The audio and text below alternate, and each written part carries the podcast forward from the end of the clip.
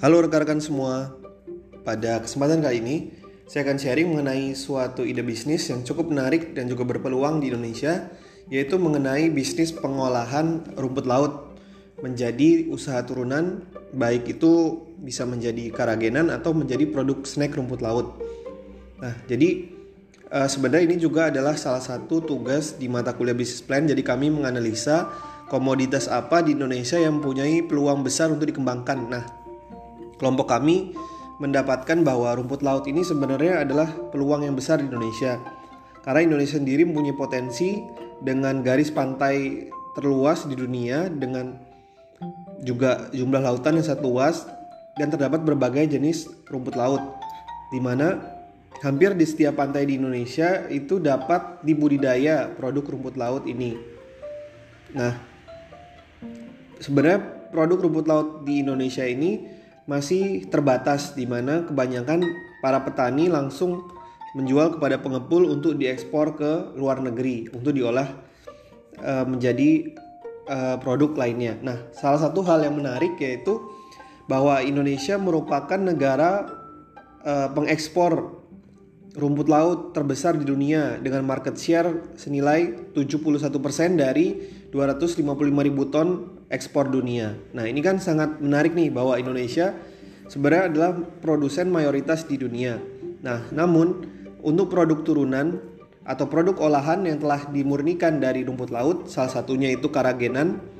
Jadi karagenan ini adalah produk uh, emulsifer atau pengental alami yang terbuat daripada rumput laut. Nah, kalau dilihat itu kuantitas ekspor dunia produk karagenan malah didominasi oleh Cina hingga 41% dan Indonesia hanya sekitar 10%. Jadi di sini ada sesuatu yang menarik bahwa Indonesia itu banyak sekali mengekspor raw material atau sumber daya yang mentah ke luar negeri untuk diekspor dan di kemudian diimpor lagi ke Indonesia untuk buat produk-produk lainnya.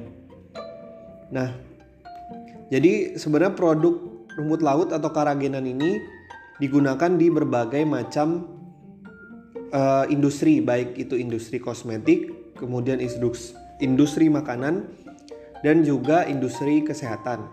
Nah, yang unggulan daripada karagenan rumput laut ini dia bersifat uh, vegetarian atau tidak mengandung uh, hewani. Nah, ini sebagai nilai tambah dibandingkan produk gelatin yang menggunakan bahan baku hewani. Nah, dari sini sebenarnya produk karagenan ini bisa menyasar produk-produk halal.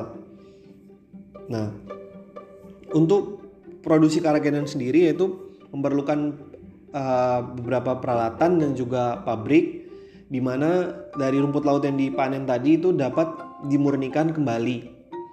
Nah, selain tadi produk karagenan yang berpeluang daripada rumput laut, yaitu adalah menjadikan usaha uh, seaweed atau uh, keripik rumput laut. Jadi rumput laut ini diolah uh, menjadi lembaran kemudian menjadikan snack. Nah, uh, produk ini juga cukup digemari di Indonesia. Dapat dilihat bahwa terdapat produk serupa yang kita impor dari Thailand di pasar Indonesia.